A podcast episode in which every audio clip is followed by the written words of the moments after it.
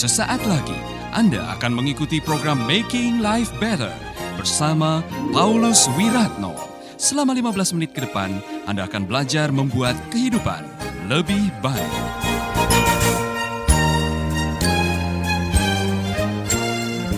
Saudara-saudara, hari ini saya mau mengajarkan beberapa hal yang sangat penting sekali dan dalam beberapa hari ke depan mungkin saudara akan mendengar pengajaran-pengajaran yang sifatnya berseri. Hari ini saya mau mengajarkan mengenai empat perusak keharmonisan hubungan. Empat hal yang bisa merusak hubungan Anda. Nah saya mau mengatakan ini waspadai empat hal ini. Karena hidupmu ditentukan oleh hubunganmu. Katakan kepada teman saudara, hidupmu uh, ditentukan oleh hubunganmu. Atau beli yang begini, kualitas hidupmu ditentukan oleh kualitas hubunganmu.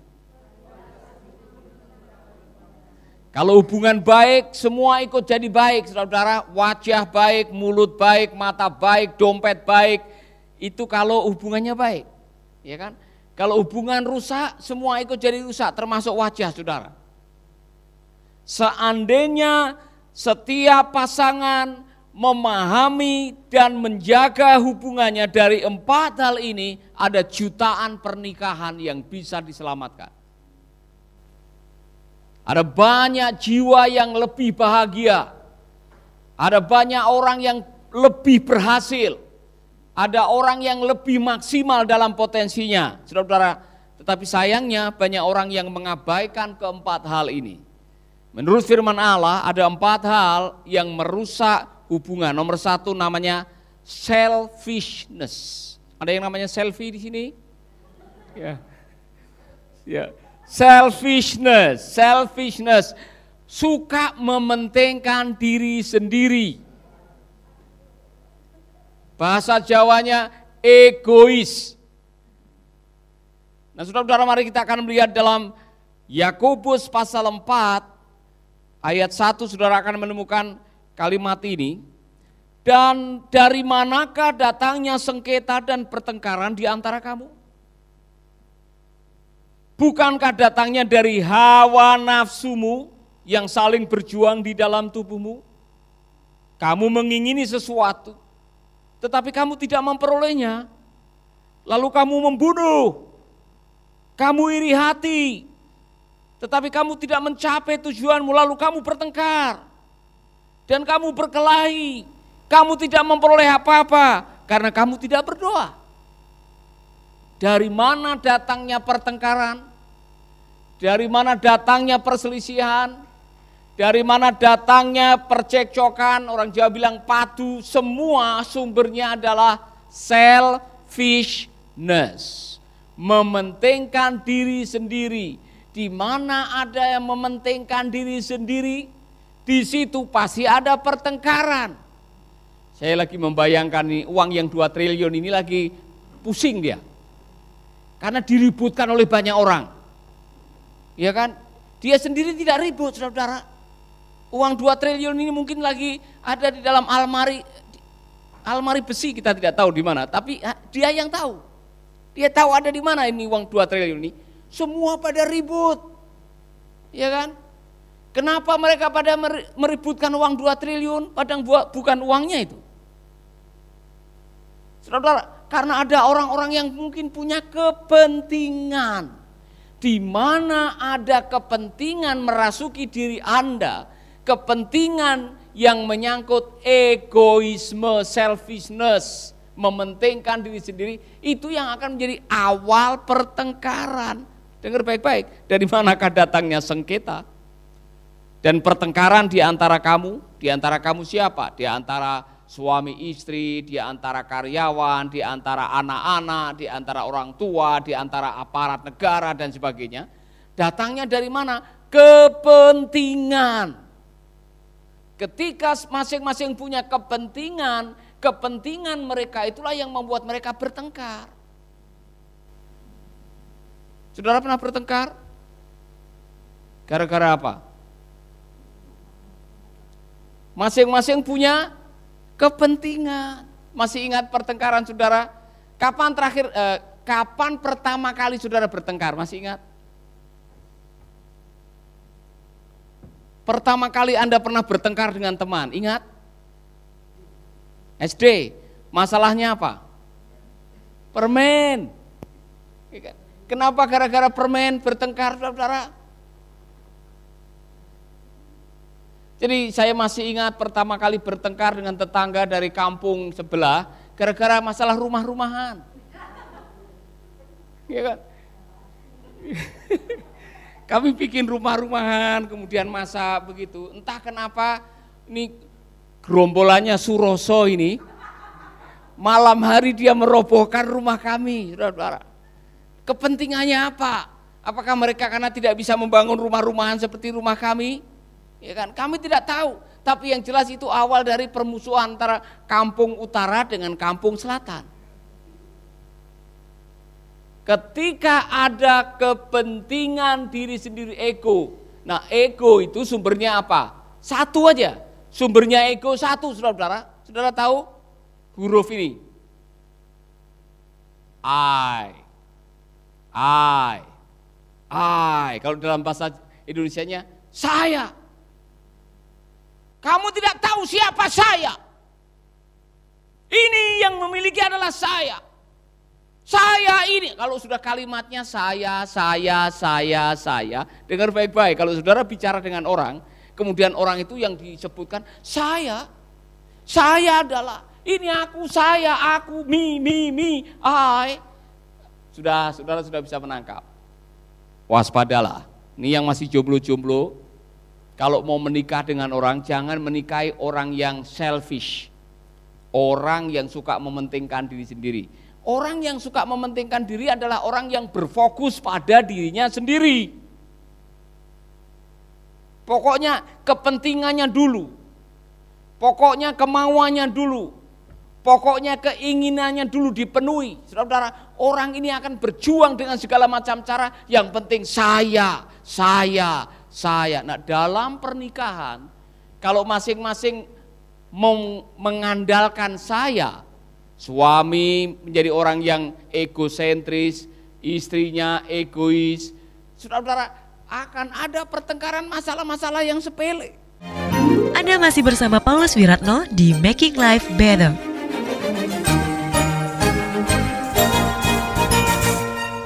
Ya, hey, ini tempat duduk saya. Itu remote saya. Apalagi? Ini gelas saya. Jangan pakai gelas saya. Ketika saya terus bermain dan saudara tidak bisa memahami orang lain, Anda menuntut orang lain harus mendahulukan Anda dan Anda tidak mau mendahulukan orang lain atau melayani orang lain, Anda adalah orang yang egois. Waspadai Amsal 28 ayat 25. Orang yang egois biasanya berkawan dengan orang loba. Orang yang loba menimbulkan pertengkaran. Tetapi siapa percaya kepada Tuhan diberi kelimpahan. Mengapa ada orang yang saya, saya, saya, saya, saya. Orang yang saya, saya, pokoknya saya, akhirnya semua untuk saya. Nah orang ini akan menghalalkan segala macam cara yang penting saya.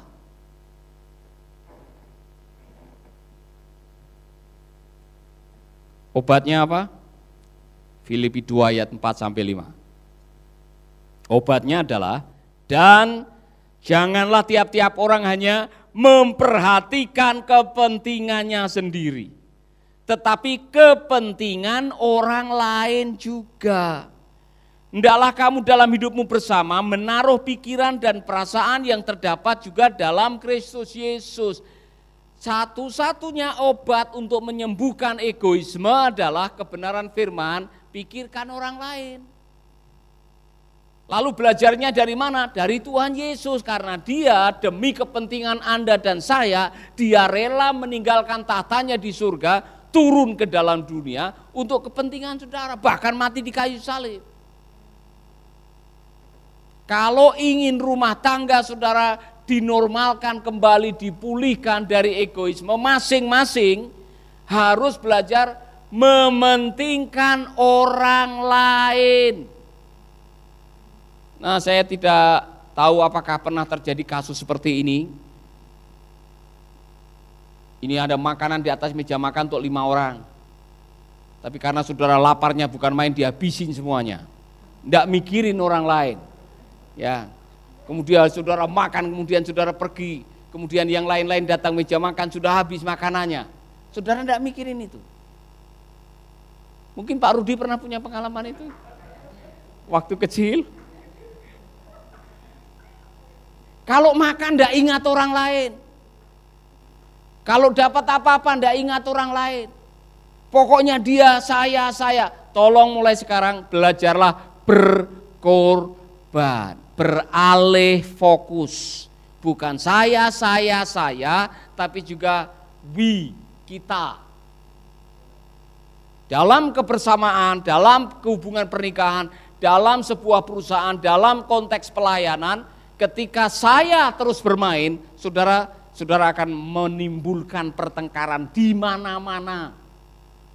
Orang-orang seperti ini yang pokoknya saya, saya, saya, tidak mau disentuh oleh orang lain, tidak mau mikirin orang lain, biasanya tidak bertahan lama dalam hubungan. Di mana pun juga. Waspadalah. Amin. Galatia 6 ayat 8. Sebab barang siapa menabur dalam dagingnya, ia akan menuai kebinasaan dari dagingnya. Tetapi barang siapa menabur dalam roh, ia akan menuai hidup yang kekal dari roh itu. Egoisme, selfishness, mementingkan diri sendiri adalah kedagingan. Bertobat. Amin. Jujur, ada yang masih terlalu selfish, mementingkan diri sendiri. Saya pokoknya semua fokusnya harus saya, saya yang dihormati, saya dan sebagainya. Nanti berkembang menjadi perusak yang kedua. Orang yang saya, saya, saya, saya, dia akan terkena atau terjangkiti virus kedua, namanya kesombongan. Keangkuhan. Jadi perusak kedua adalah kesombongan. Di mana ada kesombongan, di sana akan ada keretakan. Di mana ada kesombongan, di sana ada pertengkaran. Di mana ada kesombongan, di sana akan ada perselisihan. Waspada. Apa kata Amsal pasal yang ke-13 ayat 10 sampai 11? Keangkuhan hanya menimbulkan pertengkaran. Tetapi mereka yang mendengarkan nasihat mempunyai hikmat. Harta yang cepat diperoleh akan berkurang. Tetapi siapa mengumpulkan sedikit demi sedikit menjadi kaya. Itu lanjutannya. Tetapi yang penting adalah yang tadi. Keangkuhan hanya menimbulkan pertengkaran. Tolong diucapkan bersama-sama. Satu, dua, tiga. Amin. Jadi kalau Anda kok bertengkar, jangan cepat-cepat menyalahkan iblis. Iya kan? Jangan sampai, wah rumah tangga saya ini sering bertengkar pak. Ini kelihatannya gara-gara tetangga depan rumah itu. Apa hubungannya dengan tetangga depan rumah? Kemungkinan dia kirim santet kepada saya. Pertengkaran sering kali disebabkan oleh keangkuhan, pride, sombong. Saudara tahu sombong bahasa Inggrisnya? Swell head. Tahu swell head? Kepala bengkak. Tahu kepala bengkak? Ya kan? Karena semua lewat kepalanya. Siapa yang paling hebat di dalam kantor ini? Dia pikir, saya. Siapa yang paling cantik di dalam kantor ini? Dia pikir, saya. Setiap kali dia minta restu pikirannya, saya bengkak dia. Ya kan?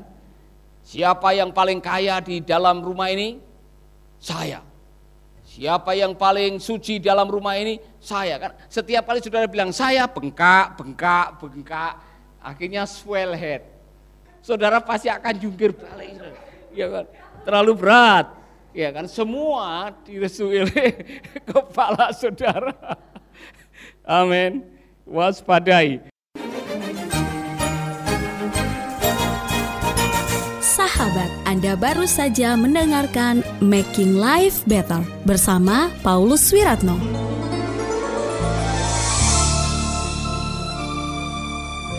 Keluarga Gracia, biarlah firman Tuhan selalu menjadi pelita dalam hidup kita sepanjang tahun ini. Dengarkan selalu radio Suara Gracia di 95,9 FM streaming di suaragratiafm.com streaming atau dengan aplikasi Android Radio Suara Gratia yang tersedia di Play Store. Jika Anda diberkati oleh siaran suara Gracia FM dan mengalami kuasa mujizat Tuhan, mari menjadi berkat dengan mengirimkan kesaksian ke WhatsApp Radio Suara Gracia FM di 0817 222959. Biarlah melalui kesaksian Anda, banyak jiwa dikuatkan dan dibangkitkan kembali imannya. Tuhan memberkati.